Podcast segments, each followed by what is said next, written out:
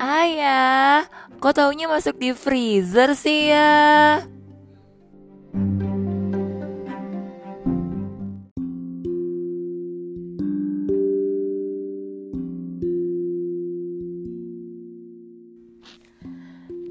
Assalamualaikum warahmatullahi wabarakatuh Selamat pagi semesta Bagaimana kabarnya di puasa ke-8 hari ini?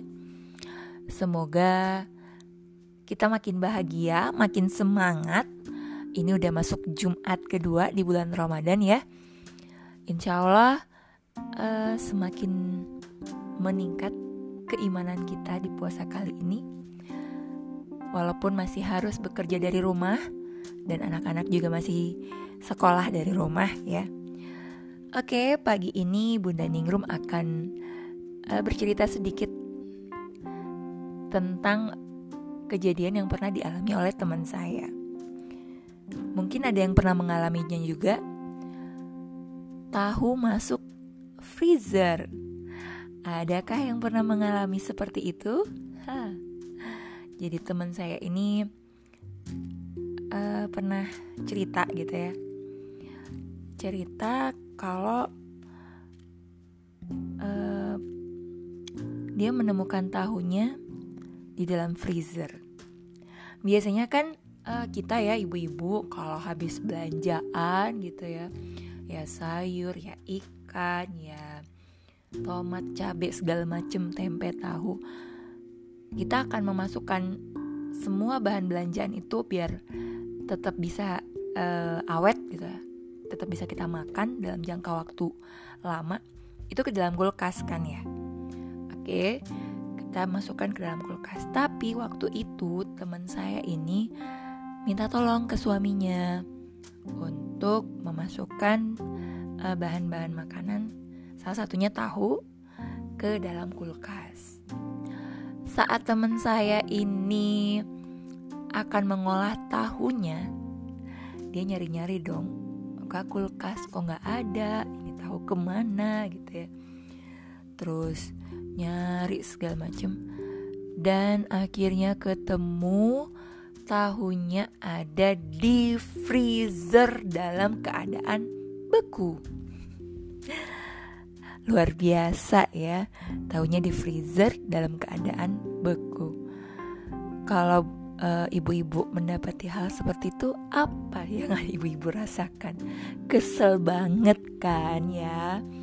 Ya iyalah kesel ya mestinya tahunya tinggal digoreng eh ini harus ditunggu lagi cairnya mana teman saya ini orang yang gak sabaran dia merasa ini adalah hal teraneh yang pernah dia alami karena belum pernah dia lihat ada tahu masuk di dalam freezer.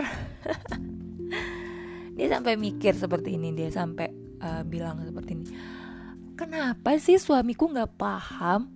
Udah juga kuliah tinggi-tinggi tapi kok ya nyimpen tahunya aja nggak pinter. Kok ada sih orang seperti ini? Ini kan hal sepele, kok nggak tahu? dia ngomel sendiri dong seperti itu marah kecewa pastilah gitu ya dan uh, bunda-bunda tahu apa respon suaminya mendengar dia marah-marah seperti itu? Ya pasti juga kecewa ya. Suaminya juga marah karena kata-kata yang teman saya uh, keluarkan itu menurut suami itu termasuk kata-kata yang kasar gitu ya. Si teman saya marah karena kecewa suami nggak paham cara nyimpen tahu.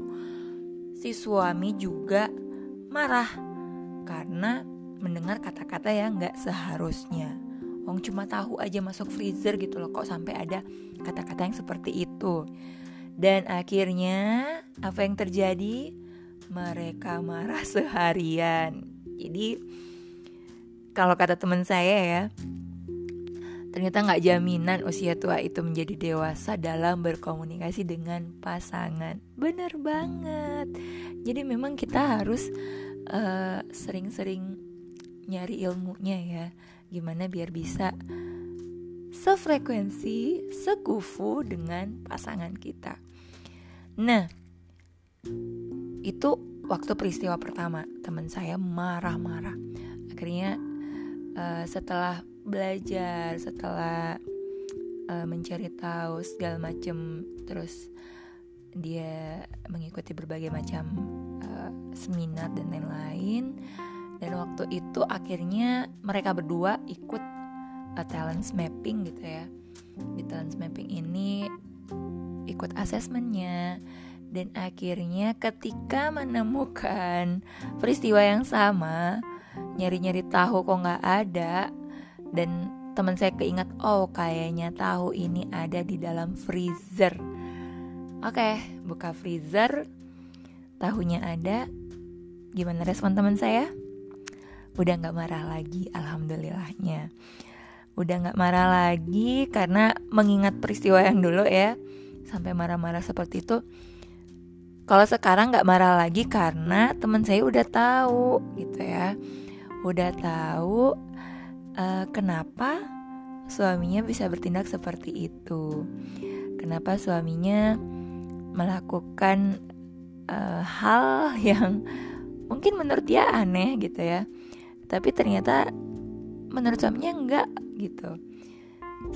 Uh, setelah dia memahami hasil dari asesmen talent mapping suaminya di situ teman saya melihat ternyata suaminya itu memiliki bakat deliberatif yang tinggi. Bakat deliberatif ini adalah bakat kehati-hatian gitu ya. Bakat kehati-hatian. Nah suami teman saya ini bakat deliberatifnya tinggi. Saking hati-hatinya biar istrinya nggak kecewa tahunya busuk maka tahunya pun disimpan seperti ikan di dalam freezer. Nah mungkin uh, suaminya memiliki bakat kehati-hatian yang tinggi tapi ternyata nggak didukung dengan knowledge tentang dunia masak memasak tahu jadi timbullah perilaku yang spontan karena dorongan dari bakat kuatnya yaitu hati-hati. Akhirnya teman saya mulai memahami uh, mungkin karena ingin menolong istrinya, tapi dengan standar bakat tertingginya jadinya ya begini. Uh, ketika uh, me, apa, mendapatkan peristiwa yang kedua itu, teman saya cuman ketawa aja melihat kelakuan suaminya dan mengenang peristiwa yang sebelumnya gitu ya. Oke, uh, memang kita sering sering banget gitu ya merasa paling pintar, merasa wah uh, itu orang kok nggak paham sih gitu ya. Ternyata memang bukan mereka yang nggak paham tapi kitanya yang tidak tahu apa makna dibalik itu semua gitu ya.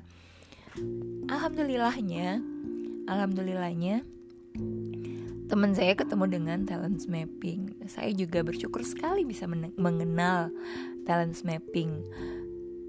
Ini menjadikan uh, kami ya talent mapping ini menjadi sarana buat kami untuk saling memahami. Bukan cuman antara rekan kerja atau teman gitu tapi juga memahami antara suami istri.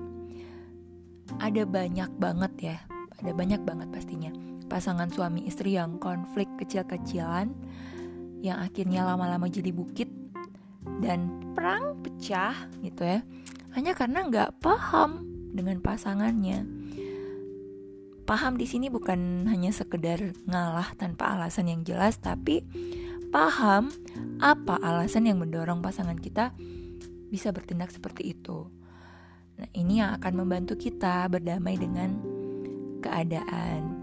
Jadi, uh, kebanyakan sih ya, kebanyakan memang yang menggunakan talent mapping ini biasanya digunakan di dunia karir, tapi juga sebenarnya bisa loh digunakan dalam keseharian kita bersama pasangan, bersama anak-anak, uh, bersama orang-orang terdekat. Kita akan lebih menerima menerima apa yang mereka lakukan ketika kita mengetahui oh ternyata memang bakatnya suamiku ada di situ gitu bakat kuatnya ya memang dia hati-hati jadinya dia melakukan ini kalau misalnya bakat kehati-hatiannya didukung dengan knowledge yang mumpuni oh bisa bisa jadi dia tidak akan melakukan seperti itu. Tapi karena memang bakat kuatnya itu tapi knowledge-nya masih belum ya udah.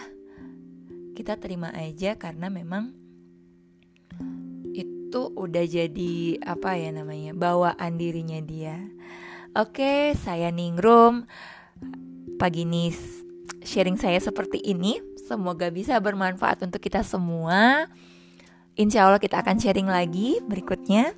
Sampai jumpa dan assalamualaikum warahmatullahi wabarakatuh.